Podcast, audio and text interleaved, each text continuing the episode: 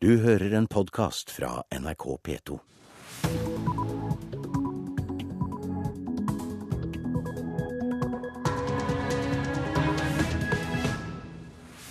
God morgen og velkommen til Nyhetsmorgen. Klokken er 6.30, og her er hovedsakene nå denne mandagen.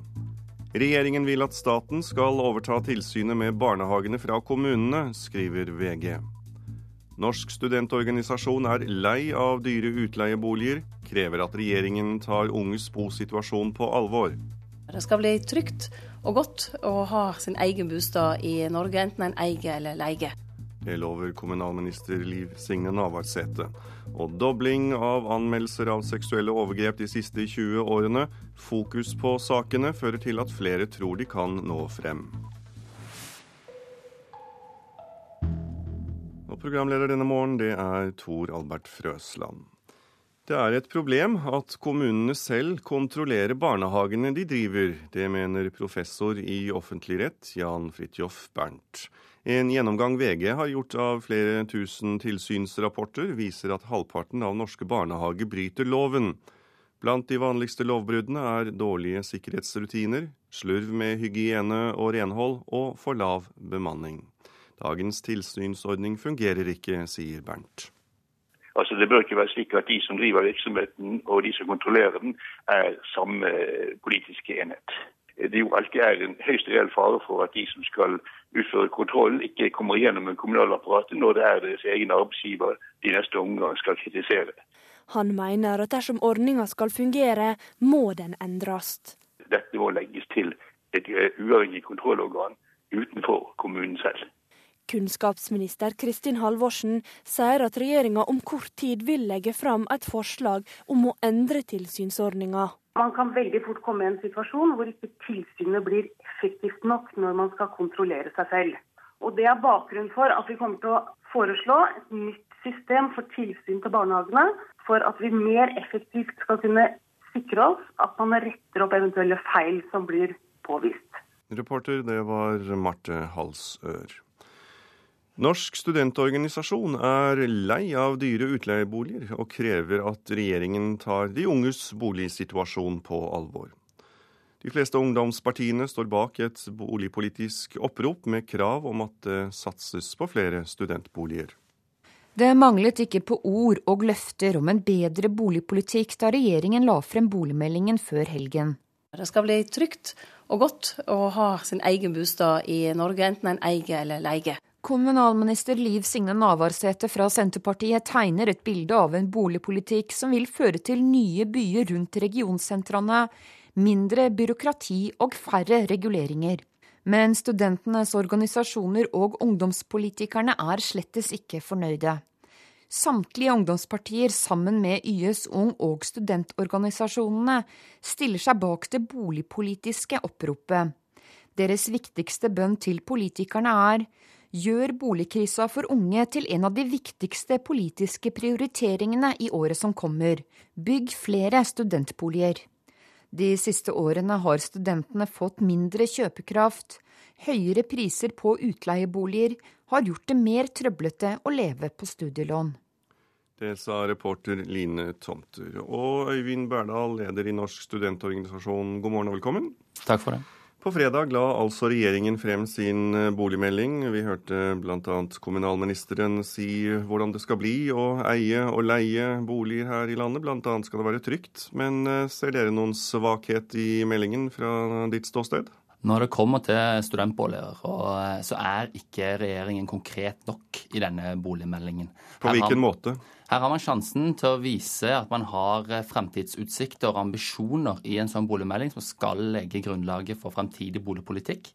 Og så har man ikke noe mer forpliktende enn at man ønsker å bygge flere boliger. Det er ikke konkret nok. Og vi er helt klare på det, at her må man tallfeste. Vi har derfor gått sammen om et opprop for å bygge flere studentboliger og for å gjøre mer enn det regjeringen har gjort til nå. Men det å bygge flere studentboliger, på hvilken måte kan det bidra til å løse problemet i boligmarkedet? Ja, Det skal jeg si deg. Det finnes eh, godt over 200 000 studenter i Norge. Mange av disse, det er bare 13,8% som har muligheten til å bo i en bolig. De resterende må da finne seg en annen alternativ. Hvis man klarer å få disse studentene inn i studentboliger, vil det frigjøre plass til barnefamilier, til andre, som da kan få eneboliger og andre boliger som nå studenter, som slår seg sammen fire og fire kanskje, i kollektiv, nå opptar. Det betyr at det demper prisveksten i markedet, for det blir flere boliger tilgjengelig. Og Det betyr også at både studenten og den vanlige borger faktisk får en bedre situasjon, billigere boliger og flere boliger. Men eh, hvor viktig vil du si at eh, det å satse på studentboliger er for dagens unge? Det er helt prekært. Det er ingen tvil om at man som student har en, en semre økonomisk situasjon. Eh, og det betyr da at bolig er den største utgiften for studenten. Hvis man klarer å bygge flere studentboliger, sånn at man får flere studenter inn i studentboliger, vil man få et rimeligere, sikrere og bedre alternativ enn mange av de boligene som studenter nå bor i. Så dette her er et kinderegg. Dette er et positivt virkemiddel for samtlige involverte. Og det er ingen tvil om at det er det billigste og rimeligste virkemidlet for å dempe prisveksten i det private markedet. Du var inne på dette med økonomi. De aller fleste høyere læresteder er i pressområder, og boligene er dyre. Eh, er dette vanskelig eller tungt for studenter? Ja, definitivt. Det er det. Og det er derfor vi retter denne nå pekefingeren mot regjeringen, som har satset på studentboliger. De bygger nå 1000. Det er en solid økning fra, fra tidligere regjeringer. Men nå må man ta tak i den satsingen. Nå må Kristin, Jens, Liv Signe, Audun Lysbakken, som sitter på Torbjørnrud og nå venter på å gå inn i budsjettforhandlinger, faktisk ta tak i den situasjonen her og bygge. Vi i Norsk studentorganisasjon har samla disse eh, aktørene, fagstudentorganisasjonene, ungdomspartiene. Og vi i Norsk studentorganisasjon har vår egen politikk på dette området. Vi vil bygge 3000 boliger på statsbudsjettet. Vi vil gjøre slik at det blir enklere å bygge for samskipnadene øke kostnadsrammen, og vi vil øke statstilskuddet til 50% så vi faktisk får et reelt spleiselag mellom student og stat. Takk skal du ha, Øyvind Berdal. Da sender vi den oppfordringen videre til de du snakket om. Da skal vi eh, videre til å høre om en dobling av anmeldelsene av seksuelle overgrep, for det har skjedd de siste 20 årene. Flere av sakene har havnet i retten og fått stor medieomtale. Det kan igjen føre til at flere tør å anmelde sakene. Det har ikke vært like lett tidligere. Det var forferdelig vondt. Jeg visste jo hva som hadde skjedd, og jeg, jeg følte ikke jeg ble trodd. Gjorde det òg mye for jeg visste det var flere som har opplevd det samme før meg, og jeg var redd for det skulle skje igjen etter meg. da. For fem år siden anmeldte Mari mannen som hun hevda hadde dopa henne og misbrukt henne seksuelt. Men politiet fant ikke nok bevis til at mannen ble tiltalt den gang. Nå står mannen tiltalt i Eidsivating lagmannsrett, tiltalt for å ha dopa ned og voldtatt flere jenter. Politiet fant nemlig i fjor filmer han hadde tatt opp sjøl. I Sør-Østerdal tingrett ble han dømt til en av de strengeste dommene som er gitt i overgrepssaker. 15 års forvaring. Endelig så kommer alt på bordet, og han får forhåpentligvis straffa han fortjener. Og jeg får på ny sjanse til å komme videre i livet. Ankesaken er en av flere overgrepssaker som har gått for retten i Hedmark og Oppland de siste ukene. I nabosalen i lagmannsretten har en annen mann stått tiltalt i tingretten for voldtekt av tre unge jenter, deriblant sin egen lillesøster. Det har nok vært veldig mange saker i det siste, så jeg er nokså jevnlig i retten med overgrepssaker. Nå har det vært faktisk ukentlig. Sier Inge Johanne Reiestad Hansen, som er bistandsadvokat for en av jentene i saken. Denne uka skal hun i retten med to andre overgrepssaker. De siste 20 åra har antall anmeldte seksuelle overgrep blitt fordobla, viser tall fra Statistisk sentralbyrå. Det blir kanskje tatt litt mer på alvor, nå som det har vært så mye. For Mari var det ikke enkelt å gå til anmeldelse. Det skjedde først da hun var på rusavvenning. Etter mange samtaler med fagpersonell, så fikk de overtalt meg til å anmelde. Om det ble med på det, for at de visste at jeg var i trygge hender. Da. Jeg sto ikke helt aleine, og jeg var heller ikke i Elverum. I løpet av de fem åra som har gått siden Mari første gang anmeldte Elverumsingen, har politiet i Hedmark og Oppland høsta mye erfaring gjennom etterforskning av flere store overgrepssaker. både politiet og hjelpeapparatet ellers er blitt mye bedre til å ta imot de som er utsatt for slike overgrep. Det sier politiinspektør ved Hedmark politidistrikt Kjell Kristian Ukkelberg. Og at erfaringen gjennom enkeltsaker har blitt såpass kjent at de som da har vært utsatt for slike ting, har lettere kunnet ta kontakt med politi og hjelpeapparatet. I Eidsivating lagmannsrett fortsetter i dag rettssaken mot Elverumsingen, som ifølge tiltalen skal ha dopa ned Mari og de andre jentene før de ble seksuelt misbrukt. En sak som har kosta mye for mange. Det koster mye energi. For min egen del så har jeg gitt alt av meg sjøl. Ja, jeg lagt igjen alt i rettssalen og nesten ikke hatt igjen noe til meg sjøl etterpå. Så jeg måtte fått mye hjelp, både fra familie og venner og fagpersonell. Og... Men det er verdt det. Nå har du det bedre? Ja, det har jeg. Letta. Det sa Mari til reporter Anne Kari Løberg. Og det ventes dom i overgrepssaken i Eidsivating lagmannsrett i slutten av uken. Så skal vi til India. Den hovedmistenkte i gjengvoldtektssaken i India tok sitt eget liv i fengsel i dag morges. Fem menn er tiltalt for voldtekt og drap på en indisk kvinne før jul. Saken fikk stor internasjonal oppmerksomhet.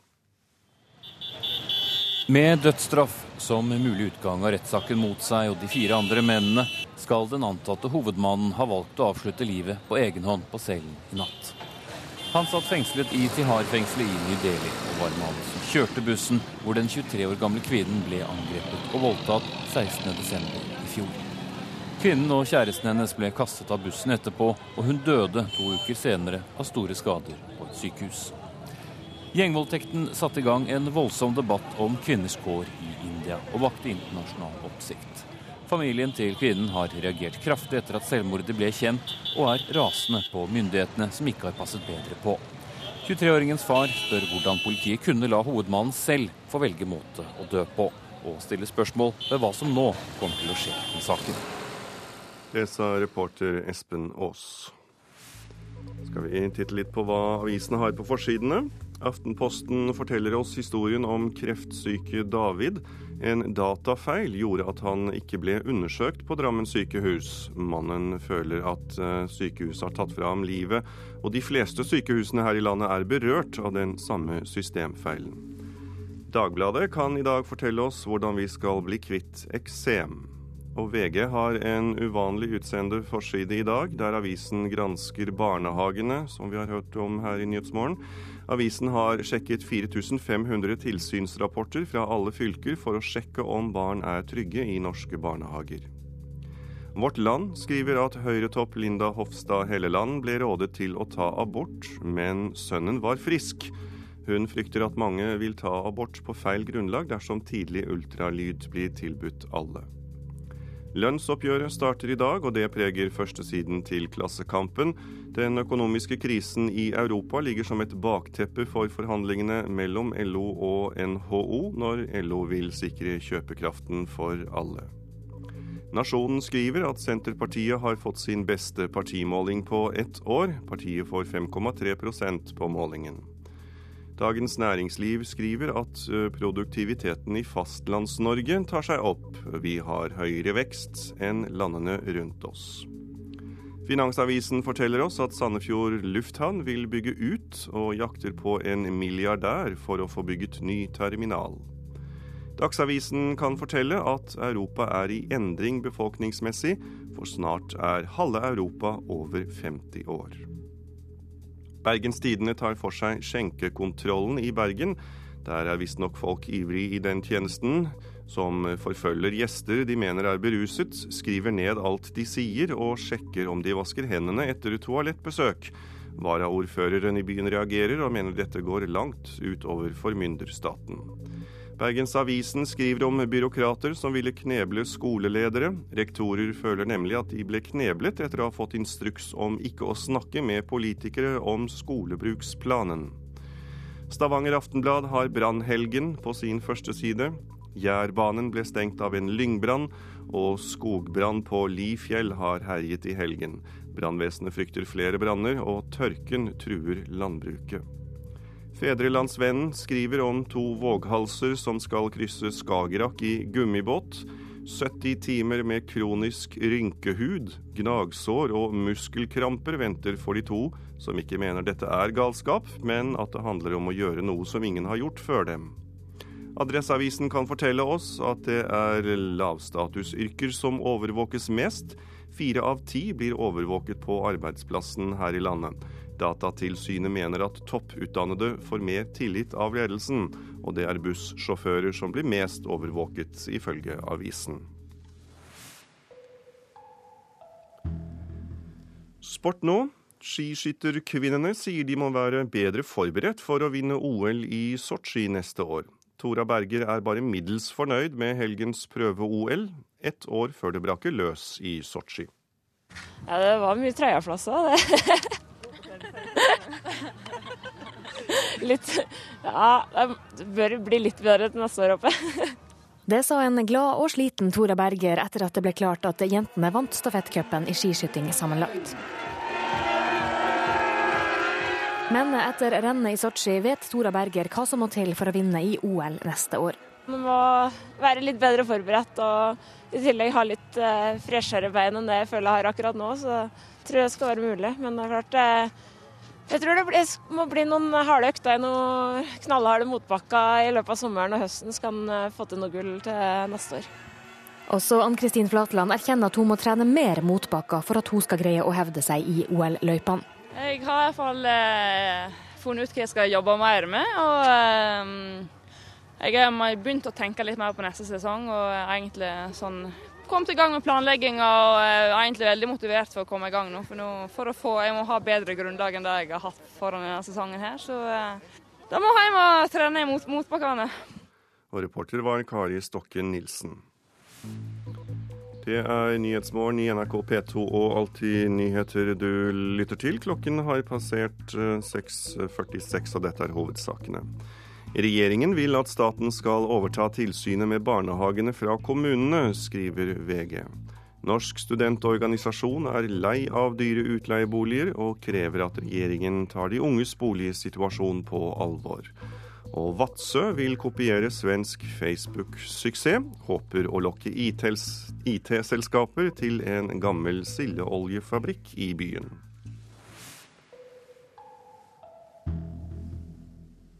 Politiet i Vest-Finnmark venter på å få avhøre den siktede mannen i 40-årene etter drapet på en mann i 50-årene i Kautokeino lørdag. Den siktede skal ha hodeskader, men det er uklart hvordan disse har oppstått. Politiadvokat Ernst Petersen i Vest-Finnmark politidistrikt bekrefter at det ikke har vært mulig å gjennomføre et avhør så langt. Den siktede har ikke vært i stand til å avgi forklaring i dag, så det må vi avvente til i morgen. Det sa politiadvokat Ernst Pettersen etter pressekonferansen Vest-Finnmark politidistrikt holdt i går kveld. Den siktede skal ha fått hodeskader, men mannens advokat Kjetil H. Nilsen sier at det er uklart hvordan disse har oppstått. Uten avhør må politiet foreløpig vente med å få mannen fremstilt for varetektsfengsling. Den siktede mannen i 40-årene ble pågrepet etter at en mann i 50-årene ble skutt og drept i en hytte i bygda Tsjudijokka i Kautokeino kommune lørdag kveld. Politiet fikk i går bistand av tre etterforskere fra Kripos. Så langt er det for tidlig å si noe om motivet for drapet, sier politiadvokat Pettersen. Det motivet som eh, er til stede, det må vi da gjennom etterforskning prøve å få klarlagt. Og vi skal etterforske bredt i denne saken for å få brakt det på det rene.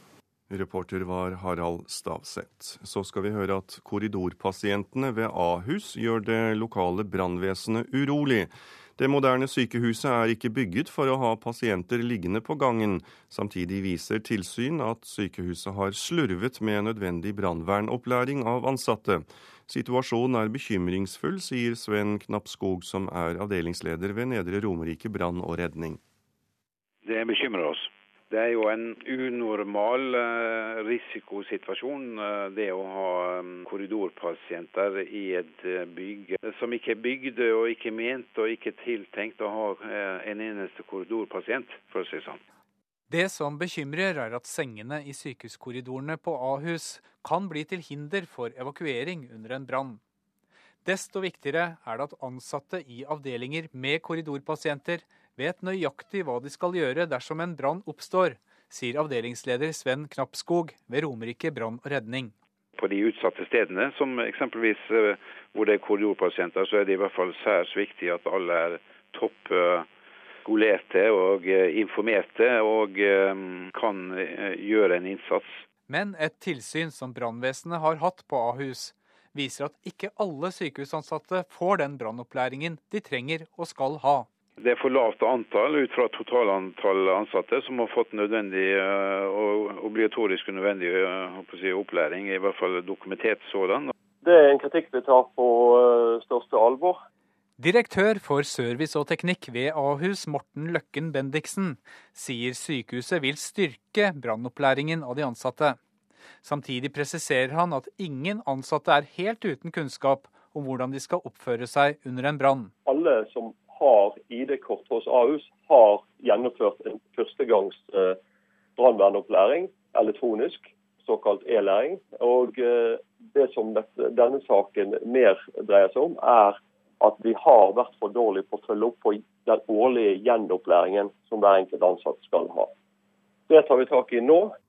Og Ahus sier sykehuset vil starte med dette allerede til uken. Reporter var Dag Åsdalen.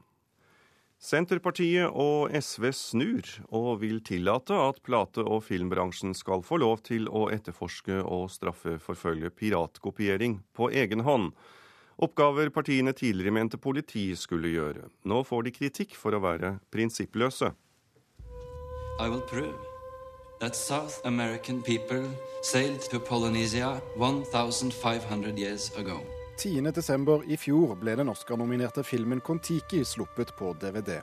Allerede dagen etter var den tilgjengelig ulovlig på fildelingsnettstedet Pirate Bay. Dette er stjeling av åndsverk, mener bransjen, og nå har Stortinget startet behandlingen av ny åndsverkslov som skal stoppe piratkopieringen. Et av tiltakene som foreslås er å la film- og plateselskapene selv få lov å granske og kartlegge datatrafikk, for så å kunne kreve at internettleverandører som f.eks. Telenor forteller dem hvem som eier datamaskinen det blir kopiert fra. Helt nødvendig, sier Marte Thorsby, direktør i plateselskapenes forening IFPI.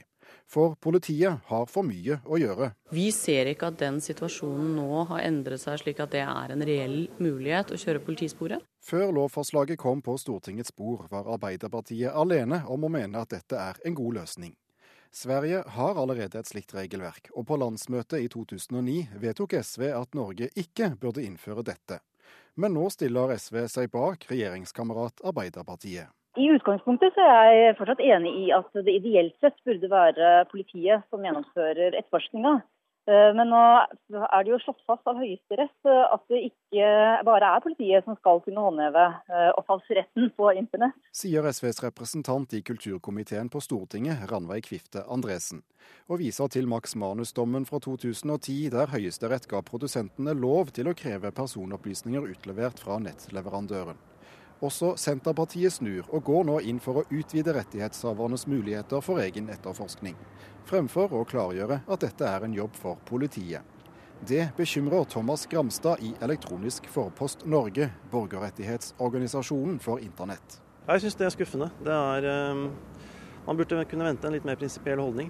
Gramstad mener de rød-grønne setter sivile rettigheter til side til fordel for gamle forretningsmodeller. Retten til privat kommunikasjon og, og deler av ytringsfriheten kan rett og slett ikke kombineres med disse tiltakene som foreslås nå. Reporter var Thomas Alverstein Ove. Norske gründere håper å lokke IT-selskaper til en gammel sildeoljefabrikk i Vadsø. Inspirasjonen er Facebooks etablering av et enormt datasenter i Luleå i Sverige, som har skapt stor vekst i den byen. Klimaet i nord er ideelt for naturlig nedkjøling av store antall datamaskiner. Vi tror jo, og det var jo kanskje litt av eh, bakgrunnen for hele prosjektet, at eh, vi ønska å se på mulighetene for å lage ny industri eh, og få ny industri hit. Bjørn Arne Pedersen er medeier i det nye selskapet Arctic Storage Facility, ASF. Han ønsker å gjøre noe helt nytt, nemlig å fylle den nedlagte sildeoljefabrikken på Vadsøya med dataservere. Vi tror at et sånt senter også vil kunne tiltrekke seg annen type virksomhet. I Luleå bygger nå internettselskapet Facebook et slikt datasenter. Det har gitt byen et kjempeløft, sier administrerende direktør Mats Engman i Luleå næringsliv. Etter et år så har vi skapt over 300 arbeidstilfeller hva det gjelder byggevirksomhet.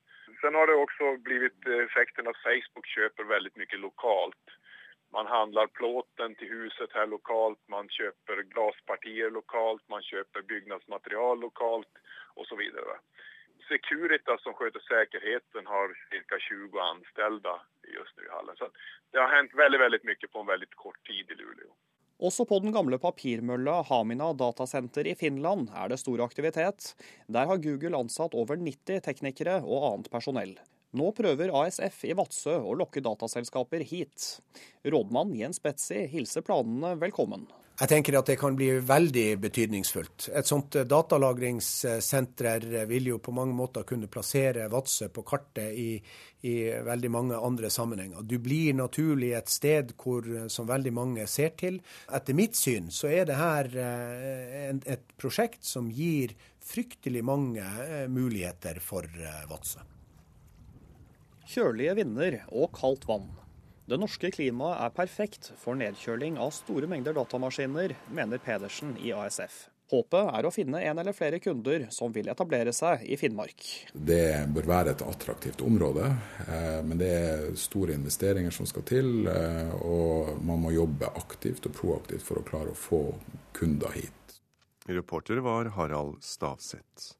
De som kolliderer etter å ha sendt tekstmeldinger bak rattet, melder ikke fra om dette til forsikringsselskapene. Dermed må vi alle betale regningen gjennom høyere forsikringspremier. Bare i Hordaland var det i fjor 29 000 biluthell med materielle skader, men ikke mange meldte fra om at de fiklet med mobilen. Det var ingen, og det forundrer oss ikke, da. Det er vel ikke noe man ønsker å være ærlig på. Arne Einar Brun er kommunikasjonsrådgiver i forsikringsselskapet Trygg, som nylig fikk gjennomført en undersøking om bruk av tekstmeldinger og sosiale medier bak rattet. Det er et enormt sprik mellom undersøkinga og det folk skriver i skademeldingene. Det vi opplever er jo at folk er jo ikke ærlige når de eh, svarer i skademeldingen på hva som var årsaken til at skaden skjedde. Hvor vanskelig syns du det er å unngå å svare på SMS når du sitter og kjører bil? Det Er veldig vanskelig. Ikke så veldig vanskelig. Litt av og til, kanskje. Hvis jeg venter på noe. Det betyr at du av og til sjekker SMS-en når du sitter bak rattet? Hvis du sitter i et lyskryss, kanskje. Men det er en kjensgjerning at mange gjør det. Hele 55% av de mellom 23 og 35 år, ifølge undersøkinga. Og det er også klart at det fører til ulykker, sier avdelingsdirektør Guro Ranes i Vegdirektoratet. Det sier seg jo nesten selv at når du, hvis du bruker mobilen eller bare nettbrett for den saks skyld, men så tar du jo blikket bort fra det å kjøre bil. Det finnes en god del internasjonal forskning på dette her som, som viser en klar sammenheng. Og når folk havner i kollisjoner etter å ha sendt en nødvendig tekstmelding, så holder de tett om det. For om de forteller at de krasja med mobilen i hånda, så blir det langt mindre i forsikringsutbetaling. Dermed må vi alle ta regninga for de uærlige. Ja, fordi at antall kollisjoner har jo sammenheng med risikoen vi tar på oss. Og hvis, hvis, vi betaler ut mer, så må vi jo vi skru opp eh, forsikringspremien. Eh, sånn at det går jo utover oss alle sammen. Reporter var Steinar Nedkvitne. Så er det været for i dag. Vi begynner med fjellet i Sør-Norge. I Langfjella for det meste pent vær, ellers enkelte snøbyger vesentlig i nordlige strøk. Østafjells for lettskyet pent vær. Vestlandet sør for Stad. Tilskyende fra nord, enkelte snøbyger i Sogn og Fjordane. Mot kvelden også sør til Boknafjorden. Møre og Romsdal og Trøndelag får snøbyger. Nordland får enkelte snøbyger, vesentlig i ytre strøk. Troms får enkelte snøbyger, og i Finnmark blir det snøbyger. På Nordensjøland på Spitsbergen blir det til dels pent vær. Morgentemperaturene målt klokken fire. Svalbard lufthavn minus 21 grader. Kirkenes minus 8. Vardø minus 7. Alta minus 9. Tromsø-Langnes minus 7. Bodø minus 1. Brønnøysund minus 2. Trondheim-Værnes minus 5. Molde minus 3. Bergen-Flesland minus 8. Stavanger minus 6. Kristiansand-Kjevik minus 10. Gardermoen minus 14. Lillehammer minus 12. Røros minus 15. Og Blindern i Oslo hadde minus 12.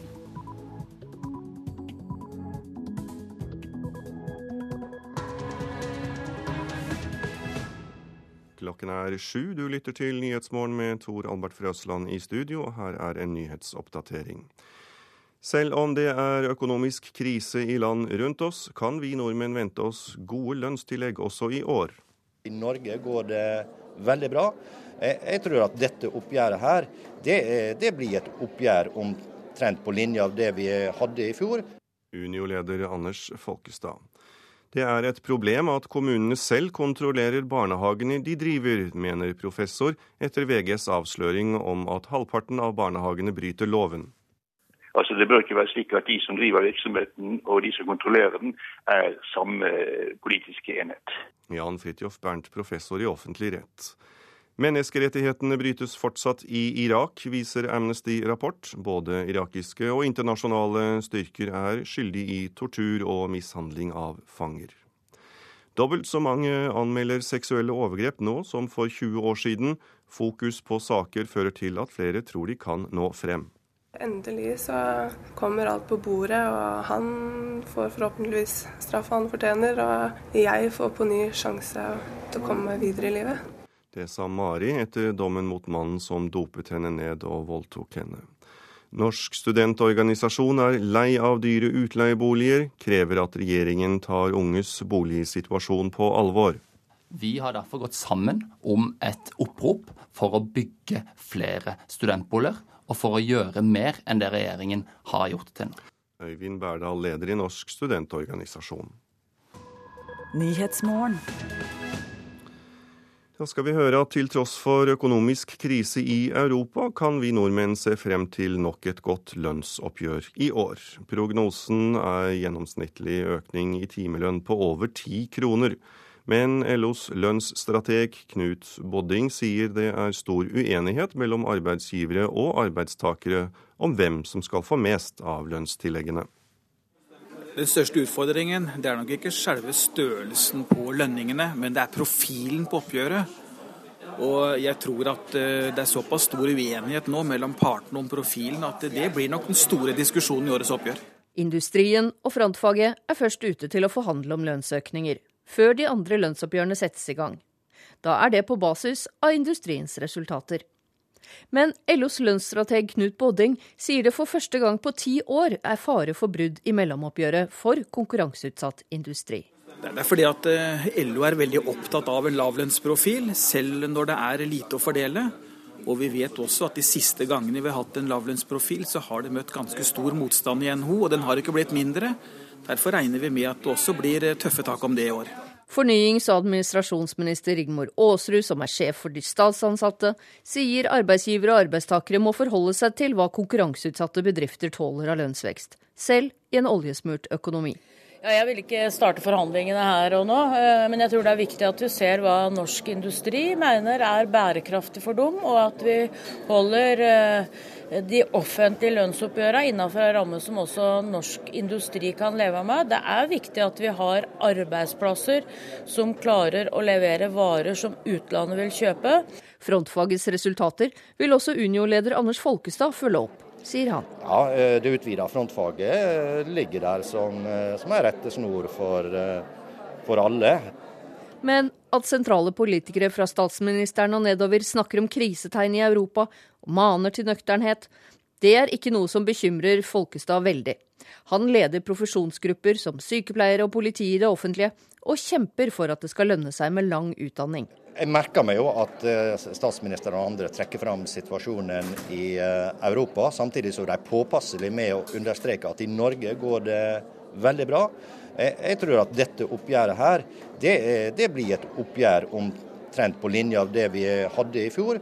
Og det synet støttes av Ådne Cappelen og Statistisk sentralbyrå. Hvis lønnsveksten blir som byråets prognose, 3,8% øker timelønningene med drøyt 10 kroner i gjennomsnitt. Det er hvis de samlede lønnstilleggene blir delt på alle arbeidstimene som utføres. Men i praksis får noen alltid mer enn andre. Det sa reporter Hedvig Bjørgum. Velkommen til Nyhetsmorgen, sjeføkonom i Pøyri Roger Bjørnstad. Takk. Det er vel kanskje ingen overraskelse at vi arbeidstakere hvert år eh, krever mer i lønn, men kommer vi til å få det? Ja, eh, mye tyder på det. Eh, Hva, hvorfor det? Ja, fordi som vi hørte her, så går det jo godt i norsk økonomi. Det går dårlig i utlandet. Men vi kan ikke ha det sånn at når inntektsveksten er stor i norsk næringsliv, så skal arbeidstakerne moderere seg. Vi har en tradisjon for å dele på kaka. Og da hjelper det ikke at det går dårlig i utlandet når næringslivet går godt. Men det at næringslivet går godt, eh, og som fører til at vi kan kreve mer i lønnsposen vår, eh, hvordan vil det slå ut for, for konkurransen for norsk næringsliv sett i forhold til utlandet? Ja, Det store andelen av norsk næringsliv konkurrerer jo ikke med utlandet. Eh, de store massene av bedrifter har eh, god inntektsvekst og, og, god lønnsevne. Men så går jo det utover de få som faktisk konkurrerer med utenlandske bedrifter. Og de vil fortsette å tape den konkurransen, for eh, i verden rundt oss så står lønningene stille. Og eh, med norsk lønnsøkning så utkonkurreres norske eksportbedrifter. Du nevnte moderasjon, og det er jo et ord som går igjen med, ved mange lønnsoppgjør. Eh, også i år, kanskje, oppfordres til moderasjon. Fagbevegelsen er med? Ja, fagbevegelsen ser jo eh, at norsk økonomi eh, opplever en todeling. Og, men samtidig så kan man ikke være med på en en utvikling der eh, kapitaleierne og næringslivet har eh, mye sterkere inntektsvekst enn lønnstakerne. Hvorfor kan vi ikke være med på en slik utvikling? Nei, Det vil jo forrykke, eh, forrykke inntektsforskjellene mellom kapitaleiere og også en del høyinntektsgrupper som ledere, finansbransjen og mange fristilte funksjonærer. Og mot arbeidstakerne. Hvis vi ser på vårt arbeidsliv, hvilke konsekvenser kan det få for norsk arbeidsliv dersom reallønnsveksten fortsetter oppover, samtidig som EU eh, e er i hengemyra? Lenge vil dette gå bra, fordi eh, vi har eh, så sterk vekst i petroleumsnæringen med de oljeprisene og de oljefunnene som vi gjør nå. Det bygges mye boliger i Norge, og staten har oljefondet å trekke på. Så lenge vil norsk arbeidsliv være preget av høy aktivitet og høy sysselsetting. Men underveis så taper vi eh, sakte, men sikkert eh, industriarbeidsplasser, eller eksportindustriarbeidsplasser. Og dette vil vi oppleve som et problem først når vi må erstatte eh, leverandørene til petroleumsnæringen med andre eksportbedrifter. Kort til slutt, Roger Bjørnstad, når kommer nedturen, da? Ja, det avhenger av når dette vendepunktet er. Eh, det avhenger av eh, endringer i oljeprisen, eller reduksjon i oljeprisen. Og eh, det kan kanskje ta ti år før vi opplever en nedtur som vi må ta tak i. Takk skal du ha, sjeføkonom i Pøri, Roger Bjørnstad. Det er svært alvorlig at så mange barnehager bryter loven. Det sier Morten Solheim, som er høyskolelektor ved Høgskolen i Oslo og Akershus. En gjennomgang VG har gjort, viser at halvparten av norske barnehager bryter loven. De vanligste lovbruddene er dårlige sikkerhetsrutiner, slurv med hygiene og renhold og for lav bemanning. Dette kan få konsekvenser, mener Solheim. De mest alvorlige lovbruddene det går på det å ikke følge opp når bemanningen er for dårlig i barnehagene. Når det er for lite voksne i barnehagen, og voksne med for lite kunnskap, så er det rett og slett fort gjort at oversikten blir dårligere, noe som kan eh, føre til alvorlige hendelser. VG har utført en omfattende undersøking der tilsynsrapporter fra om lag 3000 barnehager viser at halvparten har brutt lover og forskrifter. Solheim reagerer også på mangel på tilsyn ved flere barnehager. Over halvparten av barnehagene i landet er det ikke ført tilsyn med de siste tre årene. og Det er jo svært alvorlig. Jan Fridtjof Bernt, professor i offentlig rett ved Universitetet i Bergen, sier at problemet ved tilsynsordninga i dag er at kommunene kontrollerer seg sjølve. Altså, det bør ikke være slik at de som driver virksomheten og de som kontrollerer den, er samme politiske enhet. Det jo alltid er en høyst reell fare for at de som skal utføre kontrollen, ikke kommer gjennom en kommunalapparatet når det er deres egen arbeidsgiver de neste omgang skal kritisere. Han mener at dersom ordninga skal fungere, må den endres. Vi har nå så klare erfaringer for at både i barnehage og for den saks skyld også i skolen, så er faren for at kommunen her blir for lite flink til å følge opp, såpass stor at dette må legges til et uavhengig kontrollorgan utenfor kommunen selv. Kunnskapsminister Kristin Halvorsen sier at regjeringa om kort tid vil legge fram et forslag om å endre tilsynsordninga. Man kan veldig fort komme i en situasjon hvor ikke tilsynet blir effektivt nok når man skal kontrollere seg selv. Og Det er bakgrunnen for at vi kommer til å foreslå et nytt system for tilsyn til barnehagene, for at vi mer effektivt skal kunne sikre oss at man retter opp eventuelle feil som blir påvist. Reporter var Marte Halsør. Og nå skal vi til Japan, for i dag er det to år siden jordskjelvet og tsunamien som førte til atomkatastrofen i Fukushima. I Tokyo demonstrerte flere tusen mennesker i går mot bruk av kjernekraft. De møtte opp for å si sin mening om bruk av atomkraft i Tokyo i går. Flere tusen mennesker fylte gatene for å markere at det nå er gått to år siden tragedien rammet dem. Siden Japan ble rystet av det kraftigste jordskjelvet i landets historie. For så å se hele byer bli meid ned av de enorme bølgene som slo inn over landet. Ved kjernekraftverket i Fukushima var de ansatte maktesløse da vannmassene traff dem. Det har gjort japanerne urolige. Når nedbrytningsperioden for atomavfall er på flere titalls tusen år, er det uforståelig for meg at vi stadig benytter oss av kjernekraft, sier Koichi Sahara, som deltar i demonstrasjonen. Flere hundre tusen mennesker ble evakuert etter atomulykken pga. faren for radioaktiv stråling. En av dem var 36 år gamle Kazuko Nihei, som nå bor i Tokyo sammen med sine to barn. Ulykker ved atomkraftverk er farlige, og nå har vi bevis på at det påvirker helsen til barna våre. Jeg ønsker at resten av verden erkjenner farene ved Fukushima, sier Kazuko Nihei. Bevisene hun sikter til, er det Verdens helseorganisasjon som har lagt frem. De anslår at risikoen for å utvikle kreft i skjoldbrukskjertelen er 70% høyere enn normalt for jenter som var spedbarn da ulykken skjedde. 160 000 evakuerte lever fremdeles i midlertidige boliger, og strålefaren gjør at mange frykter at de aldri kan vende hjem. Det sa reporter Charlotte Bergløff. 19 000 mennesker døde som følge av ulykken, og katastrofen blir karakterisert som den verste som har rammet Japan siden andre verdenskrig. Atomfysiker og daglig leder i Bellona, Nils Bøhmer, du er med oss fra Fukushima. Hvordan er området rundt atomkraftverket preget av det som skjedde? Nei, Det er jo fremdeles sterkt preget av denne, denne ulykken. Jeg eh, var hjemme i dag hos en gammel dame som var blitt splittet opp fra sin familie, som nå bodde i en, eh, en campingvogn mens da hennes barnebarn og barn bodde i Tokyo. Og det er klart, Sånne historier gjør inntrykk på en når en ser hvor hardt en slik ulykke rammer. Ja, Bøhmer, eh, det var én historie, men på hvilken måte er folk eh, berørt jevnt over nå to år etter? Ja, så Man har jo hele tiden at man altså De bøndene som bor i området her, de får jo ikke solgt maten sin fordi den kommer fra Fukushima, selv om den for så vidt er ren for radioaktivitet. I tillegg så er det også, som vi hørte i reportasjen her, en, en, en sterk sterk skepsis til atomkraft. Og det er klart, Japan står overfor store utfordringer når de nå skal eventuelt erstatte disse atomkraftverkene med annen energi. Hva syns du om informasjonen som japanske myndigheter gir om helseskader?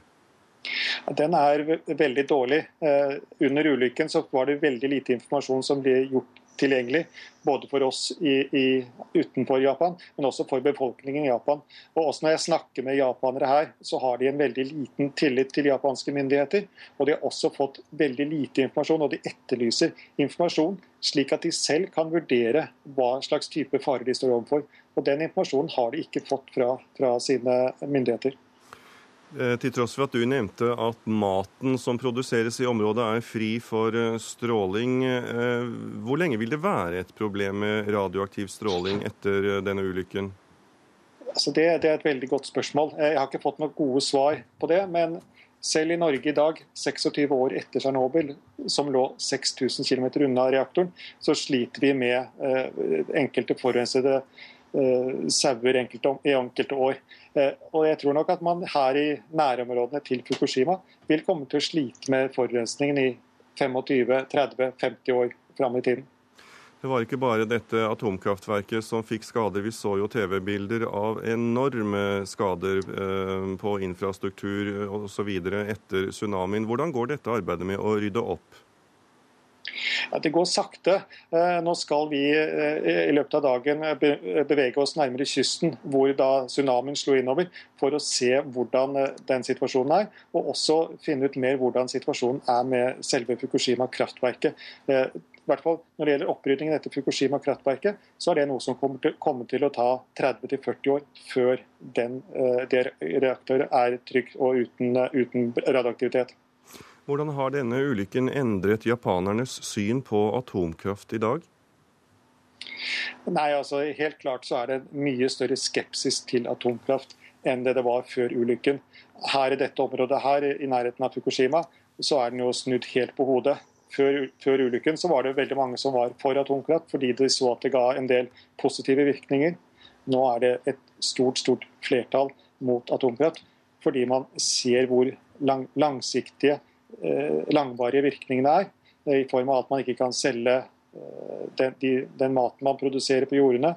At man blir flyttet. Man kan sannsynligvis ikke flytte tilbake i sin levetid. Så det er klart det får store dypt, dyptvirkende konsekvenser ved siden av selve stråleeffekten. Takk skal du ha, Nils Bøhmer. Du er atomfysiker og daglig leder i Bellona. Klokken den er 7, snart 7.17. Det er Nyhetsmorgen i NRK P2 Alltid nyheter du lytter på. Her er hovedsakene. Nordmenn kan vente seg gode lønnstillegg også i år. Regjeringen vil at staten skal overta tilsynet med barnehagene fra kommunene, skriver VG. Dobbelt så mange anmelder seksuelle overgrep nå som for 20 år siden. Men nå til eh, situasjonen i Irak. Ti år etter invasjonen i landet blir menneskerettighetene fremdeles brutt. En ny rapport fra Amnesty International viser at både irakiske sikkerhetsstyrker og internasjonale styrker er skyldige i tortur og mishandling av fanger.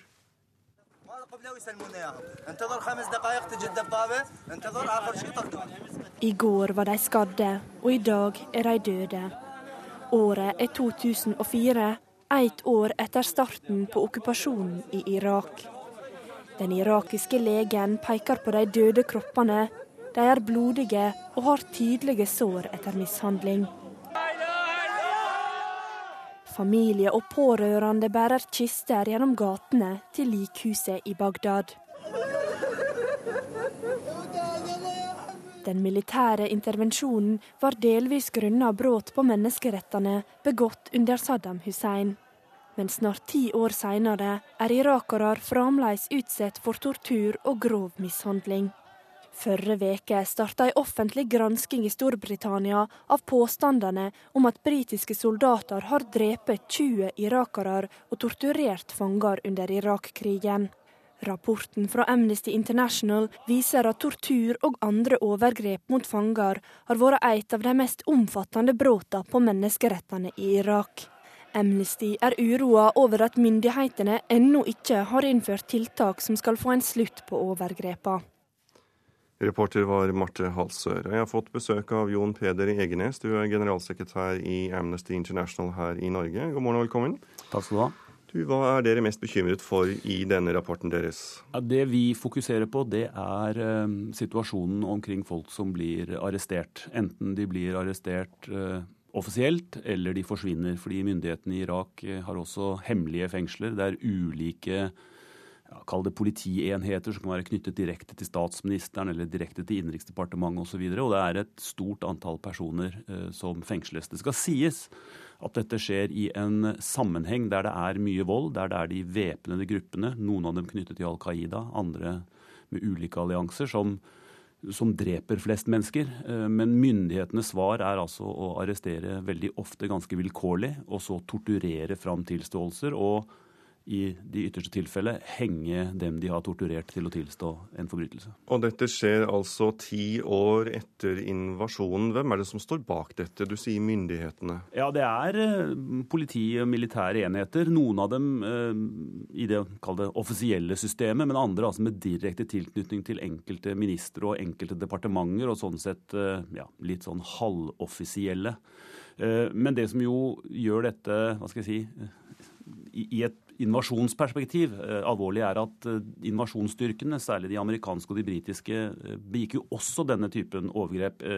Vi er jo alle kjent med det, det vi alle så fra Abu Ghraib i relativt kort tid etter invasjonen, hvor amerikanske soldater ble vist mens de torturerte folk, ydmyket dem, krevde at menn skulle kle av seg og legge seg i hauger, stille seg på bøtter med det som så ut som elektriske ledninger på fingrene osv.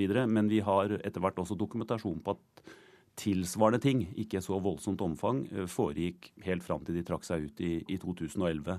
Så invasjonen, som etter hvert i hvert fall delvis ble begrunnet med at her skulle man eh, styrte en diktator og forbedre menneskerettighetssituasjonen, den har rett og slett bidratt til, bl.a. i å gi eksempler, at denne situasjonen vedvarer.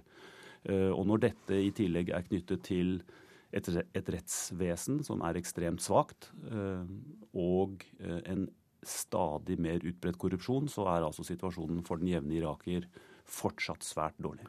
Men hvis vi skal se på en mulig vei ut av dette, hvis jeg kan bruke et slikt begrep, er det styrking av rettsvesenet som skal til? Ja, irakiske myndigheter må rett og slett vise politisk vilje til å stanse dette. De må f.eks. slutte å stole på uh, tilståelser. Uh, de har altså gjort seg avhengig av tilståelser når de skal dømme noen, og de tilståelsene har de uh, etter hvert begynt bare å torturere fram. Eh, de er blant de statene i verden som henretter flest. Dette kombinert med et svakt rettsvesen og tortur eh, gir jo grunn til å tro at mange uskyldige mennesker ender i galgene i Irak. Eh, noe med rette eller urette denne, denne invasjonen ble ment å skulle, skulle stanse. Så her dreier det seg om å vise politisk vilje til å rydde opp, stoppe straffefriheten. Og der har også vi i utenverden et ansvar, fordi vi har jobbet så tett med irakiske myndigheter de siste ti årene. Og det ansvaret er bl.a. Uh, du bevisst. Takk skal du ha, Jon Peder Egenes, du er generalsekretær i Amnesty International. Sør-Korea og USA starter i dag en felles militærøvelse som har ført til sterke reaksjoner fra Nord-Korea. Militærøvelsen omfatter flere tusen soldater. Våpenhvileavtalen mellom Nord- og Sør-Korea fra 1953 vil også opphøre i dag, ifølge nordkoreanske myndigheter. Nord-Koreas hær, marine, luftvåpen og strategiske raketter er klargjort for total krig, ifølge en statlig avis. Da er det noen forsider vi skal gå gjennom av dagens aviser. Begynner med Aftenposten, som forteller oss historien om kreftsyke David. En datafeil gjorde at han ikke ble undersøkt på Drammen sykehus. Mannen sier at han føler at sykehuset har tatt fra ham livet, og de fleste sykehusene her i landet er berørt av den samme systemfeilen. Vårt Land skriver at Høyre-topp Linda Hofstad Helleland ble rådet til å ta abort, men sønnen var frisk. Hun frykter at mange vil ta abort på feil grunnlag dersom tidlig ultralyd blir tilbudt alle. Nasjonen skriver at Senterpartiet har fått sin beste partimåling på ett år. Partiet får 5,3% på målingen. Dagsavisen forteller oss at Europa er i endring befolkningsmessig, for snart er halve Europa over 50 år. Bergens Tidende tar for seg skjenkekontrollen i Bergen. Det er visstnok ivrige folk i den tjenesten som forfølger gjester de mener er beruset, skriver ned alt de sier og sjekker om de vasker hendene etter toalettbesøk.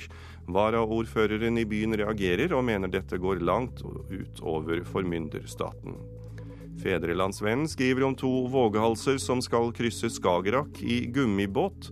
70 timer med kronisk rynkehud, gnagsår og muskelkramper venter for de to, som ikke mener dette er galskap, men at det handler om å gjøre noe som ingen har gjort før dem.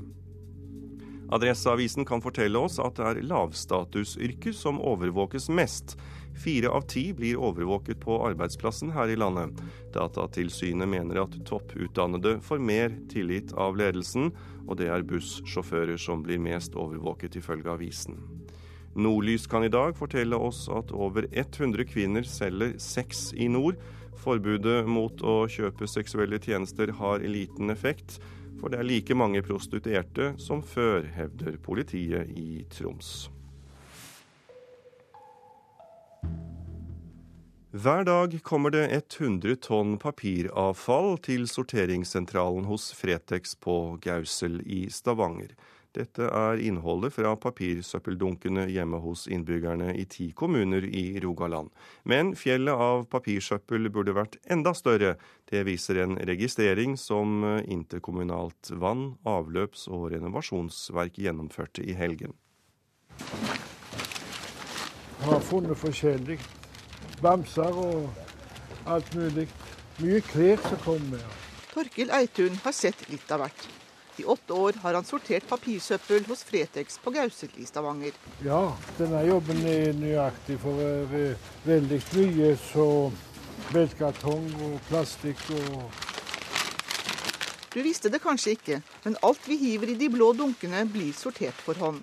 Papp i en haug, kartong i en annen, drikkekartonger for seg og aviser, blader og vanlig papir til slutt. Alt sendes så til ulike fabrikker, og er det ikke nøye nok, vanker det skjenn som svir. Da kan vi få smekk på, på lanken. Da får vi gjerne litt mindre betalt for det papiret vi leverer. Dette er jo et råstoff for å lage nye papirprodukter. Som de faktisk betaler oss for. Sier overingeniør Tord Tjelflot hos Interkommunalt vann-, avløps- og renovasjonsverk IVAR. Her er det mye spennende. Det som går opp i papp. Ja, jeg syns det er kjempebra. Så jeg får veldig respekt for de gutta som jobber her til vanlig. Det er en kjempejobb de gjør. Sier Unn Endresen, miljørådgiver hos SMI energi og miljø. Hun har sin første dag som papirsorterer, og etterpå skal hun skrive rapport. For denne helgen har sorteringen vært ekstra nøye. Det er mest en sånn kartlegging for å se om folk blir flinkere å sortere, og hva slags papirsøppel som, som finnes. 10-12 tonn papiravfall er finsortert og veid i stikkprøvekontrollen.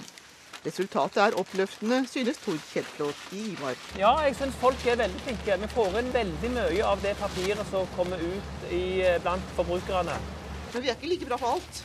Nei, det varierer litt i forhold til hva type papir vi snakker om. Sånn som På aviser og reklame og sånt, der får vi inn omtrent 95% Mens når det gjelder drikkekartongene, så får vi vel inn omtrent halvparten.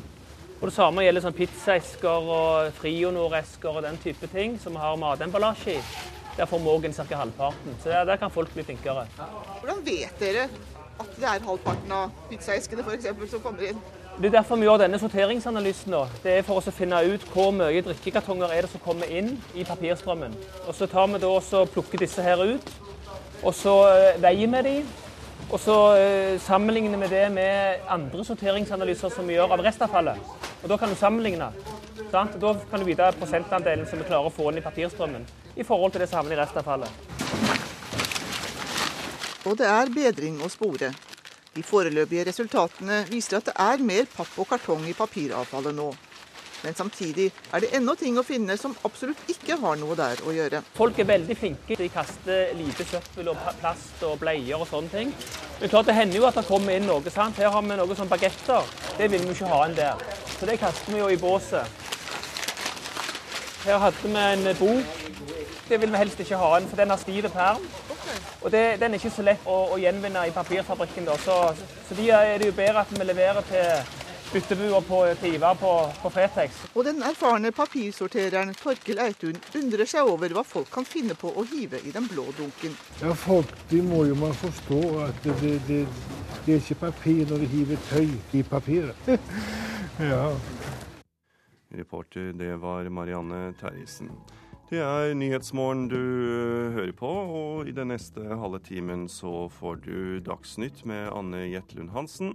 Utenriksreportasjen vår i dag den er fra Japan, og Politisk kvarter skal du også få, og der er Bjørn Bø programleder. Programleder for Nyhetsmorgen i dag, det er Tor Albert Frøsland.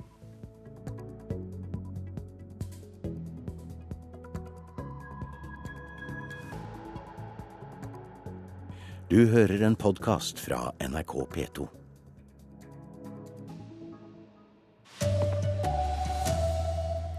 Regjeringen vil frata kommunene retten til å drive tilsyn med barnehagene. Det har vært en dobling av anmeldelser av seksuelle overgrep de siste 20 årene. I India er en av de tiltalte i voldtektssaken før jul funnet død i fengselet. Her er NRK Dagsnytt, klokka er 7.30. Kommunene mister retten til å føre tilsyn med barnehagene dersom regjeringen får det som den vil. Halvparten av norske barnehager bryter loven, ifølge VG. I dag er det kommunene som fører tilsyn med barnehagene som de selv driver. Og det kan svekke kontrollen, mener professor i offentlig rett Jan Fridtjof Bernt. Altså Det bør ikke være slik at de som driver virksomheten og de som kontrollerer den, er samme politiske enhet. I dag er det kommunene selv som kontrollerer sine egne barnehager. Det svekker kontrollen, mener professor i offentlig rett ved Universitetet i Bergen, Jan Fridtjof Bernt. Det er jo alltid er en høyst reell fare for at de som skal utføre kontrollen, ikke kommer gjennom en kommunalapparatet når det er deres egen arbeidsgiver de neste omgang skal kritisere. Man må endre reglene, mener Bernt dette må legges til et eh, uavhengig kontrollorgan utenfor kommunen selv. I flere barnehager ble det avdekket at det er fare for at barna kan sette fast hodet og kveles i lekeapparatene. Andre har dårlig hygiene, som f.eks. kloakklekkasje, mugne matpakker og bleieskift på felleshåndkle. I en barnehage er det fare for at barna kan drukne, og i en annen er det betong under et klatrestativ. Kunnskapsminister Kristin Halvorsen er enig i at dagens tilsynsordning ikke er god nok. Når kommunene i dag har ansvaret for å ha tilsyn med seg selv, så mener jeg at det ikke er tilstrekkelig avstand og uavhengighet i det tilsynet. Og Derfor vil regjeringen nå foreslå at det er Fylkesmannen som skal kontrollere barnehagene. Vi har jo god erfaring med det tilsynet som fylkesmennene driver overfor f.eks. skolene.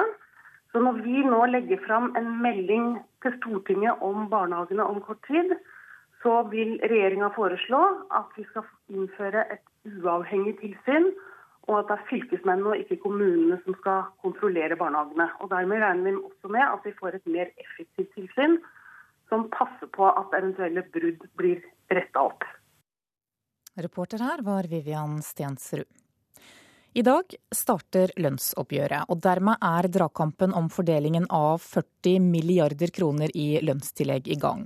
For til tross for økonomisk krise i land rundt oss, vi kan se frem til et godt oppgjør, sier sjeføkonom Roger Bjørnstad. Til tross for at eh, petroleumsnæringen eh, går godt og mange leverandørbedrifter eh, trenger arbeidskraft, så må vi ha en lavere lønnsvekst for å bevare den eksportrettede industrien. Men ledigheten er eh, fortsatt lav, og vi opplever gode tider i Norge. Og jeg tror vi vil få en lønnsvekst eh, tett oppunder 4% også i år. I fjor fikk vi 4% mer i lønnsøkning i gjennomsnitt, og takket være høy økonomisk vekst og lav prisstigning blir lommeboken din merkbart tykkere også i år. I Norge nå så ser det ut til at vi produserer så mye. Og da er det det som skal til for at lønnstakerne tar eh, sin rettmessige del av den verdiskapningen. Sjeføkonom Roger Bjørnstad i Pøyri tror veksten i lønnen blir oppunder 4% Det mener også Statistisk sentralbyrå. Hvis lønnsveksten ender på byråets prognose 3,8% øker timelønnen med drøyt 10 kroner i gjennomsnitt. Det gir totalt 40 milliarder kroner i lønnstillegg samlet i år. Frontfaget er først ute. Men LOs lønnsstrateg Knut Bodding sier det for første gang på ti år er fare for brudd i mellomoppgjøret for konkurranseutsatt industri. Den største utfordringen det er nok ikke selve størrelsen på lønningene, men det er profilen på oppgjøret. Og jeg tror at eh, det er såpass stor uenighet nå mellom partene om profilen at det blir nok den store diskusjonen i årets oppgjør. Og reporter her, det var Hedvig Bjørgum. Det har vært en dobling av anmeldelser av seksuelle overgrep de siste 20 årene. Flere av sakene har havnet i retten og fått eh, stor medieomtale. Det har ikke alltid vært så lett å få oppmerksomhet om disse sakene tidligere. Det var forferdelig vondt. Jeg visste jo hva som hadde skjedd, og jeg, jeg følte ikke jeg ble trodd. For fem år siden anmeldte Mari mannen som hun hevda hadde dopa henne og misbrukt henne seksuelt. Men politiet fant ikke nok bevis til at mannen ble tiltalt den gang. Nå står mannen tiltalt i Eidsivating lagmannsrett, tiltalt for å ha dopa ned og voldtatt flere jenter. Endelig så kommer alt på bordet, og han får forhåpentligvis straffa han fortjener. Og jeg får på ny sjanse til å komme meg videre i livet. Ankesaken er en av flere overgrepssaker som har gått for retten i Hedmark og Oppland de siste ukene. I nabosalen i lagmannsretten har en annen mann stått tiltalt i tingretten for voldtekt av tre unge jenter. De siste 20 åra har antall anmeldte seksuelle overgrep blitt fordobla, viser tall fra Statistisk sentralbyrå. I løpet av de fem åra som har gått siden Mari første gang anmeldte Elverumsingen, har politiet i Hedmark og Oppland høsta mye erfaring gjennom etterforskning av flere store overgrepssaker både politiet og hjelpeapparatet ellers er blitt mye bedre til å ta imot de som er utsatt for slike overgrep. Det sier politiinspektør ved Hedmark politidistrikt Kjell Kristian Ukkelberg. De som da har vært utsatt for slike ting, har lettere kunne ta kontakt med politiet og hjelpeapparatet. Det koster mye energi. For min egen del så har jeg gitt alt av meg sjøl. Ja, jeg har lagt igjen alt i rettssalen og nesten ikke hatt igjen noe til meg sjøl etterpå. Så jeg har måttet fått mye hjelp både fra familie og venner og fagpersonell. Og, men det er verdt det. Nå har du det bedre? Ja, det har jeg. Letta. Det sa Mari til reporter Anne Kari Løberg. Den hovedmistenkte i gjengvoldtektssaken i India har tatt sitt eget liv i fengselet. Han var en av fem menn som er tiltalt for å ha voldtatt og drept en indisk kvinne før jul. Saken har fått stor internasjonal oppmerksomhet. Med dødsstraff som mulig utgang av rettssaken mot seg og de fire andre mennene, skal den antatte hovedmannen ha valgt å avslutte livet på egen hånd på cellen i natt. Han satt fengslet i Tihar-fengselet i Ny-Delhi og var mannen som kjørte bussen hvor den 23 år gamle kvinnen ble angrepet og voldtatt 16.12. i fjor. Kvinnen og kjæresten hennes ble kastet av bussen etterpå, og hun døde to uker senere av store skader på et sykehus. Gjengvoldtekten satte i gang en voldsom debatt om kvinners kår i India, og vakte internasjonal oppsikt. Familien til kvinnen har reagert kraftig etter at selvmordet ble kjent, og er rasende på myndighetene som ikke har passet bedre på. 23-åringens far spør hvordan politiet kunne la hovedmannen selv få velge måte å dø på, og stiller spørsmål ved hva som nå kommer til å skje med saken. Reporter var Espen Aas. Politiet i Vest-Finnmark håper i dag å få avhørt mannen som er siktet for å ha drept en mann i 50-årene i Kautokeino på lørdag. I går var det ikke mulig å gjennomføre avhør, sier politiadvokat Ernst Pettersen. Den siktede har ikke vært i stand til å avgi forklaring i dag, så det må vi avvente til i morgen. Det motivet som eh, er til stede, det må vi da gjennom etterforskning prøve å få klarlagt. Og vi skal etterforske bredt i denne saken for å få brakt det på det rene. Og fordi politiet må vente med avhør, så må de også vente inntil videre med å få ham fremstilt for varetekt. Norges Skiforbund vil ikke gi støtte til å arrangere ekstremsportkonkurransen X Games her i Norge. Det sier skipresident Erik Røste. I går ble det kjent at Fristilforbundet ønsker å få det gigantiske vintersportarrangementet til Norge. Men bak X Games står ESPN, en amerikansk fjernsynskanal. En kommersiell aktør vil ikke bli støttet av Norges Skiforbund. Eh, en kommersiell aktør vil i så fall måtte da inngå en avtale om det er med Norges Skiforbund, eller med en eh, lokal eh, organisasjon, altså lokal klubb i Norge. Det sier skipresident Erik Røste. For etter VM i fristil og The Arctic Challenge mener Mikkel Berg i fristilkomiteen at de er klar for enda større arrangement helst et X Games, og det allerede om tre år. Og nå har vi vist at vi klarer å gjennomføre eh, arrangementer av X Games-standard i Oslo. Og Da er det ingen grunn til at ikke vi skal eh, strekke oss lenger og få eh, type X Games, Dirtour, altså den type nivåer i samarbeid mellom snowboard og twintip til eh, Norge. Skipresidenten mener arrangementskapasiteten er god nok, men at fokuset heller bør være på rekruttering. Det som jeg tror er det aller viktigste for freestyle-komiteen nå, det er jo å jobbe med rekruttering og aktivitet. Og bruke den, eh, de fantastiske eh, bildene og det fantastiske som vi har opplevd nå på oss og i Oslo, til å skape økt aktivitet og rekruttering. Reporter her var Kari Stokke Nilsen. Ansvarlig for radiosendingene denne morgenen heter Elin Pettersen. Teknisk ansvarlig er Hanne Lune, og her i studio Anne Jetlund Hansen. Her i Nyhetsmorgen så skal vi til Japan, for der markerer de i dag at det er gått to år siden tsunamikatastrofen som krevde nesten 20 000 liv. Det kraftigste jordskjelvet i landets historie skjedde utenfor østkysten klokken 14.46 lokal tid, men det som kom etterpå var mye, mye verre. Katastrofen ble til slutt tredoblet med lekkasjen fra atomkraftverket i Fukushima. Skrekkslagne japanere tror ikke det de ser. Tsunamivarselet har gått, og de har søkt tilflukt oppover i etasjene i en boligblokk. Derfra ser de det menneskene på gateplan ikke ser. Kjempebølgen som slår over flomvernet og bare fortsetter og fortsetter innover. De banker på vinduer og roper ut at folk må komme seg vekk. Så kommer vannet. Tsunamibølgene var opptil 40 meter høye og strakte seg en hel mil innover land. En forferdelig katastrofe som utslettet hele landsbyer. Men det skulle komme mer.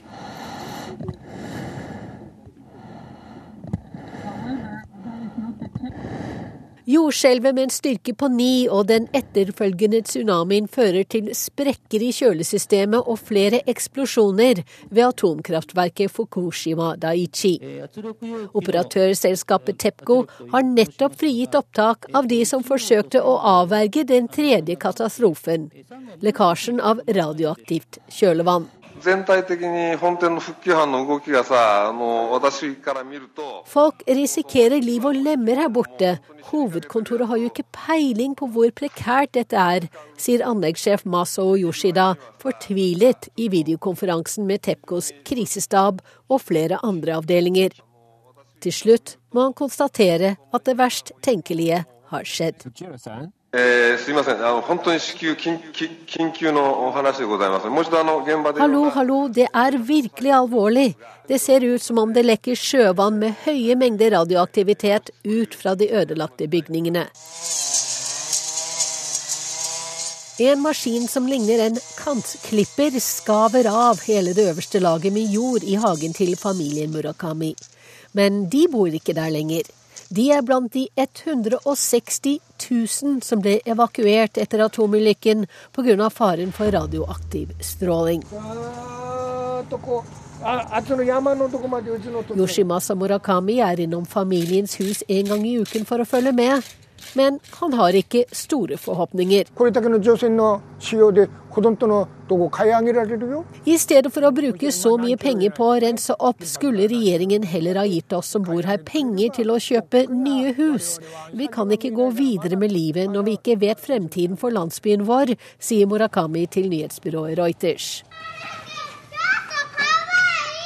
Og hvor langt inn i fremtiden atomulykken ved Fukushima kommer til å påvirke livene til de som bodde i nærheten, er det ingen som vet. Verdens helseorganisasjon mener at risikoen for å få kreft i skjoldbruskkjertelen i løpet av livet er 70% høyere enn normalt for jenter som var spedbarn da ulykken skjedde. De sender oss bare en papirlapp etter den offisielle legeundersøkelsen og sier at de ikke har funnet noe galt, at barna ikke må testes igjen før om to og et halvt år. Men hvordan kan de tro at vi skal slå oss til ro med det, spør fembarnsmoren Ruri Sasaki. 甲状腺がんというのはチェルノブイでも4-5年経ってから出てきたので Etter Tsjernobyl-ulykken begynte ikke kreften å vise seg før fire-fem år etterpå, sier professor Shinichi Suzuki ved Fukushimas medisinske universitet. Så mødrene vil uansett ikke bli beroliget av det vi forteller dem i dag, sier han. Det sa reporter Wenche Eriksen. Og vi har eh, disse overskriftene her i Nyhetsmorgen. Regjeringen vil frata kommunene retten til å drive tilsyn med barnehagene, det skriver VG. Dobbelt så mange anmelder seksuelle overgrep nå som for 20 år siden. Og i India er en av de tiltalte i voldtektssaken før jul funnet død i fengselet. Programforslaget til Høyre blir presentert i dag. Programleder i Politisk kvarter, Bjørn Bø. Ja, men samtidig samstundes har helga synt politisk gnaging mot Høyre fra andre opposisjonsparti. Og som du har vært inne på, dette er en barnehagedag.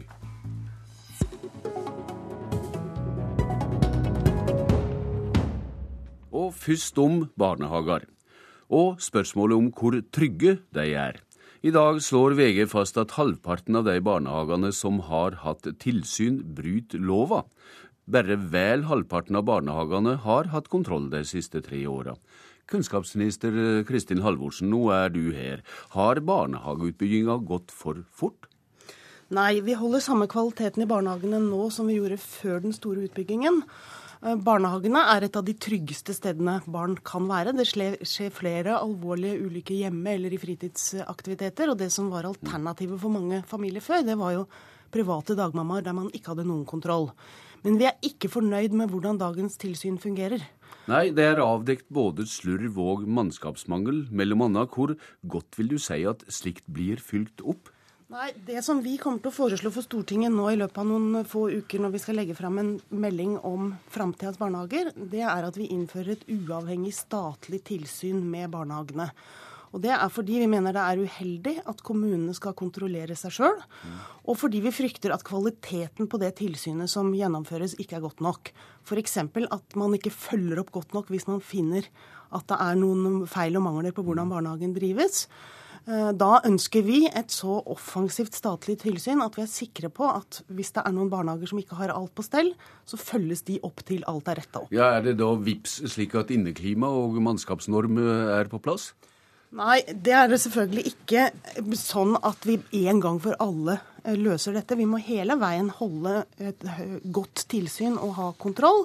Men jeg er selvfølgelig også helt enig i at tilstrekkelig antall voksne er veldig viktig for sikkerheten i barnehagen, og for at barnehagen skal kunne være et godt pedagogisk tilbud. Så det er også tema i denne stortingsmeldinga. Nå skal du på budsjettkonferanse i regjeringa i dag og hente penger til dette, da?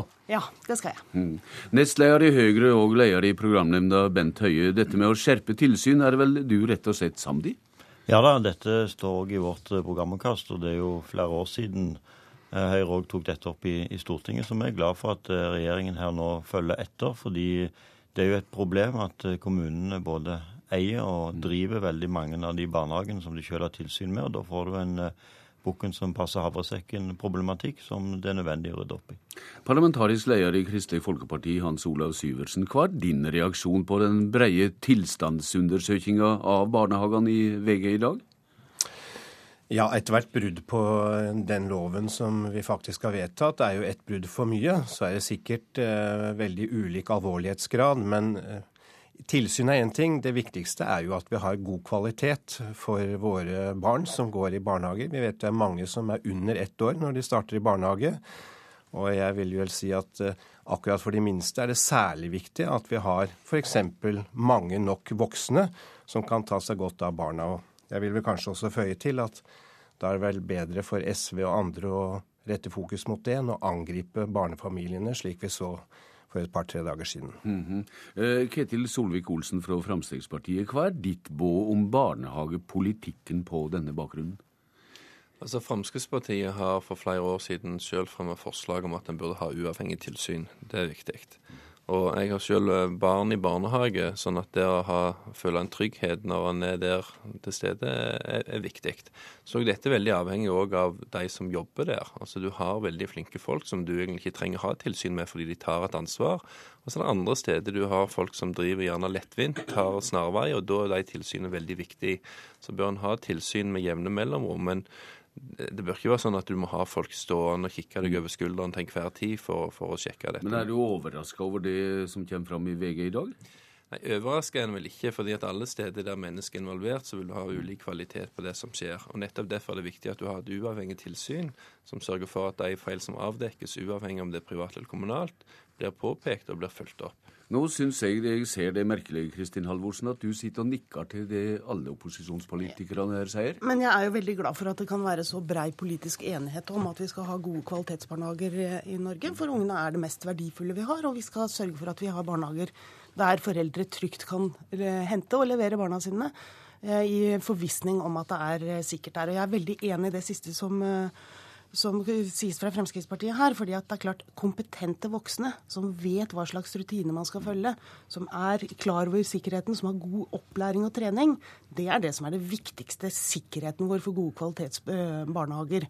Og så skal vi ha et effektivt tilsyn som påpeker feil, som ikke bare den barnehagen som har tilsyn, lærer av, men også de andre barnehagene i kommunen kan lære av. Sånn at vi sørger for at vi har god kvalitet i barnehagene. Har Høyre Bent Høie noen alternativ metode å tilby for å sikre nettopp de måla Halvorsen var inne på nå?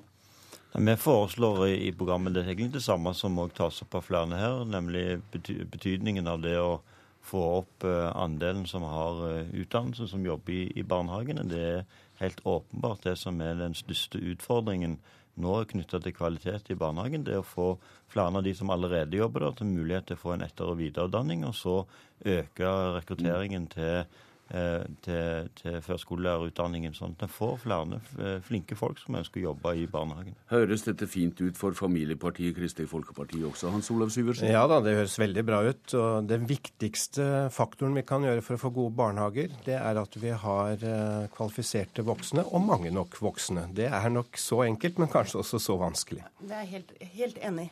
Da er kvaliteten i barnehagene avgjøres av de voksne som jobber der.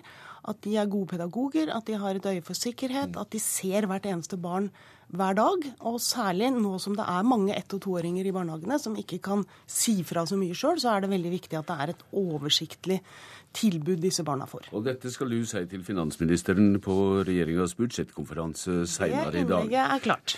Vi, skifter... vi må si lykke til. skifter... Jeg kan et par knep. Vi skifter rett og slett tema dersom de er ferdige med disse elskelige tilnærmingene. Høyre vil bygge veier med bompenger, Fremskrittspartiet vil bygge veier uten. Høyre er ikke like opptatt av skatte- og avgiftsreduksjoner lenger, det er Fremskrittspartiet. Vi mener at vi skal løse utfordringene i helsevesenet gjennom å betale for behandlinger både hos private og offentlige, mens Høyre egentlig langt på vei lager to køer. Lederen i Fremskrittspartiet lørdag, Siv Jensen, vil syne skiljeliner mellom opposisjonspartiene under kampen om velgerne fram mot valget til høsten. Fremdeles nestleder og leder i programnemnda i Høyre, Bent Høie. I hva mon er denne strategien velkommen for ditt parti? Nei, Det er jo uh, forskjellige partier som, uh, som går på, til valg på ulik politikk, sånn at den ulikheten synliggjøres. Det er ikke noe unaturlig. Eh, men eh, jeg syns kanskje at Siv Jensen kunne valgt noen bedre eksempler enn de hun valgte her. Fordi Høyre eh, ønsker jo å bygge mer vei òg med å mm. bruke mer statlige penger enn det ja, Hva slags skilnader er det du vil legge vekt på, da? Nei, altså Det er, er skilnader i, på andre områder, som f.eks. ulikheten på prioritering når det gjelder kulturpolitikken, ulikt syn når det gjelder bistand og på, an, på andre områder. Men at partiene gjør, får fram sin, sin ulike politikk, det er ikke noe unaturlig så lenge det er et valg og folk skal velge mellom, mellom partiene. Ja, Når du skal legge fram et samla utkast til program for Høyre i dag, eh, hva mynt er det du skal slå og svare med?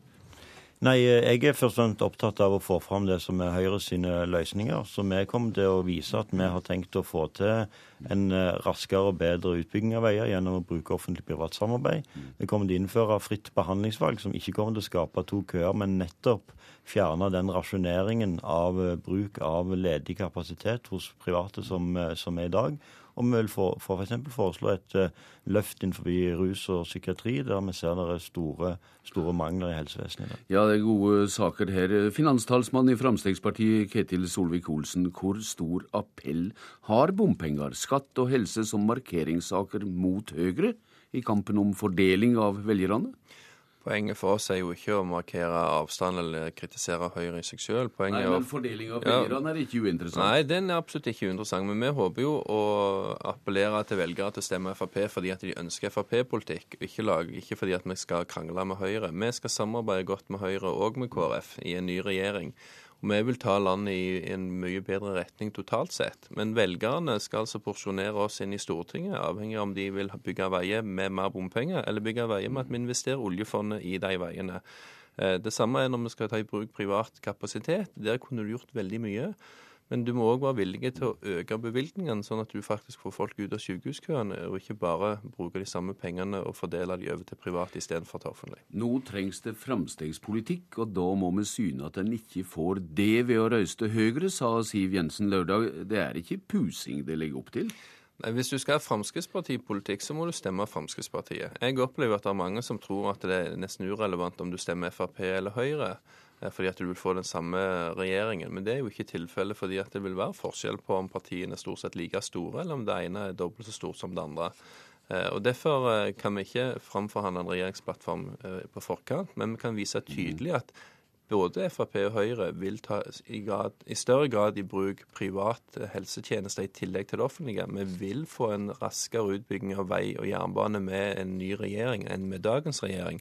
Så er spørsmålet hvordan skal du finansiere dette? Skal du la handlingsregelen begrense veiinvesteringer, eller skal vi investere med på en annen måte? Jeg kommer litt mer inn på det etter hvert, Solvik-Olsen. Men parlamentarisk leder i Kristelig Folkeparti, Hans Olav Syversen. Det vil også ha regjeringsskifte, men både Venstre-lederen og din din har i helga kritisert Høyres helsepolitikk, mellom anna. Hvordan vil du skildre kampen om opposisjonsvelgerne? Vi er jo fire forskjellige partier, og da tror jeg velgerne forstår at da presenterer man også sitt partis politikk. Og akkurat når vi nå er i en situasjon hvor programmene legges fram, så er ikke det så veldig unaturlig. Mm. Men la meg ta noen eksempler på hvor vi står sammen, som er ganske viktig. Vi snakket veldig om fam fort, ja. familiepolitikk her mm. for litt siden. Vi har altså en barne- og familieminister, ja hun er jo ikke familieminister lenger, for det har de jo skrotet, som altså vil fortelle folk hvordan de skal ordne sine liv. Der har vi et helt annet alternativ. Vi sier at folk må kunne velge uten en sånn eh, oppdragsgiver som Inga Marte Torkelsen presenterer seg som. Så har vi på rusfeltet vi sier at her har vi både private og offentlige tilbud som står med ledig kapasitet. Vi har eh, folk som ønsker behandling og får det ikke pga. måten denne regjeringen holder på. Og så er vi faktisk enige, selv om det er nyanser, i at innenfor eh, jernbane og vei så må vi tenke helt nytt når det gjelder finansiering, slik at vi får fart på utbyggingen, og ikke bare låser oss til den vanetenkningen som sittende regjering har gjort. Så nå har jeg gjort et bidrag for at vi skal komme nærmere hverandre. Ja, men du har også fortalt tydelig at det er ei tid under programmet handsaming for å syne skilnader. Og legger ikke det ballen på lissa til regjeringspartiene ved å syne nettopp spriket i opposisjonspolitikken? Noe, det er ikke noe problem. Når du ser hvordan de tre partiene mm -hmm. i regjering holder på dag ut og dag inn med å fortelle hvor egentlig uenige de er, så tror jeg velgerne ser at dette skal gå veldig greit å få til et regjeringsskifte. I dag samles regjeringa på Torbjørnrud, som vi var inne på tidligere her, for å forberede budsjettet for neste år. Budsjettet det blir lagt grunnlag for nå, det er noe ei eventuell ny regjering må ta stilling til etter valget til høsten. Da blir det fort snakk om oljepengebruk. Det trengs en ny handlingsregel nå, sa Siv Jensen lørdag. Ketil Solvik-Olsen, hva sier du om finansministerens sparepolitikk, som han tydeliggjorde på nytt i går? Vi skal bruke pengene fornuftig, og vi skal føre en ansvarlig økonomisk politikk. Der Fremskrittspartiet er uenig med de andre på Stortinget, det er om du skal ha en handlingsregel som begrenser muligheten til å investere inn i norsk økonomi. Altså bygge ut vei og jernbane, forbedre realkapitalen i dette samfunnet. Da tenker jeg bygningsmasse og forskning. Der bør en satse betydelig mer. En bør òg se om en skal bruke skattesystemet til å stimulere fram et moderat lønnsoppgjør ved at du kan tilby skattelettelser fra myndighetens side, istedenfor at alt må gå med økt lønn via arbeidsgiver. Da konkurrerer du ut norsk næringsliv. Mm. En må òg se på avskrivningsregler for å stimulere investeringer i norsk næringsliv, se på andre deler av beskatning på næringslivet, sånn at en ikke bare sitter og sier at nå mister vi arbeidsplasser fordi det går dårlig i Europa. Vi må se hvordan kan du gjøre norsk næringsliv mer konkurransedyktig ved å bedre rammebetingelsene når det er vanskelig andre steder. Bent Høie, når det eventuelt skal overta Stoltenbergs budsjett i oktober, i hva grad kan Fremskrittspartiets metode for pengebruk og bruk av handlingsregel vinne gjennom da? Ja, Det som vi jo er enige om, er jo mye av det som nå Ketil sa, nemlig å bruke mer av oljeinntektene på å investere for framtiden. Investere i vei. Redusere eh, de særnorske skattene, sånn at vi gir næringslivet vårt bedre muligheter til å trygge nye arbeidsplasser for mm. framtiden og skape de verdiene som vi skal bruke på velferden vår. Mm. Og ikke minst eh, foreta et eh, løft i skole og forskning, for der, eh, det er der nettopp og, og framtida ligger. Så der er det ja. Eh, enighet om at vi må bruke pengene på en annen måte. Og så ser vi jo at denne regjeringen sannsynligvis kommer til å etterle, gi, fra seg en eh, gedigen eh, regning til den neste regjeringen i form av manglende vedlikehold i veier, bygninger, offentlig men, infrastruktur, men som vi må plukke opp. Til det gode føremålet, Hans Olav Syversen, ja. da har ikke du bruk for skattelette? Vi er nok ikke så opptatt av det som de andre, men vi er opptatt av en skattelette som gir flere arbeidsplasser, og som kan bidra til en god norsk økonomi. Og der er vi faktisk enige. Der gjorde du en god fresten av. Politisk kvarter er slutt. Takk til dykk. Jeg heter Bjørn Bø. Du har hørt en podkast fra NRK P2.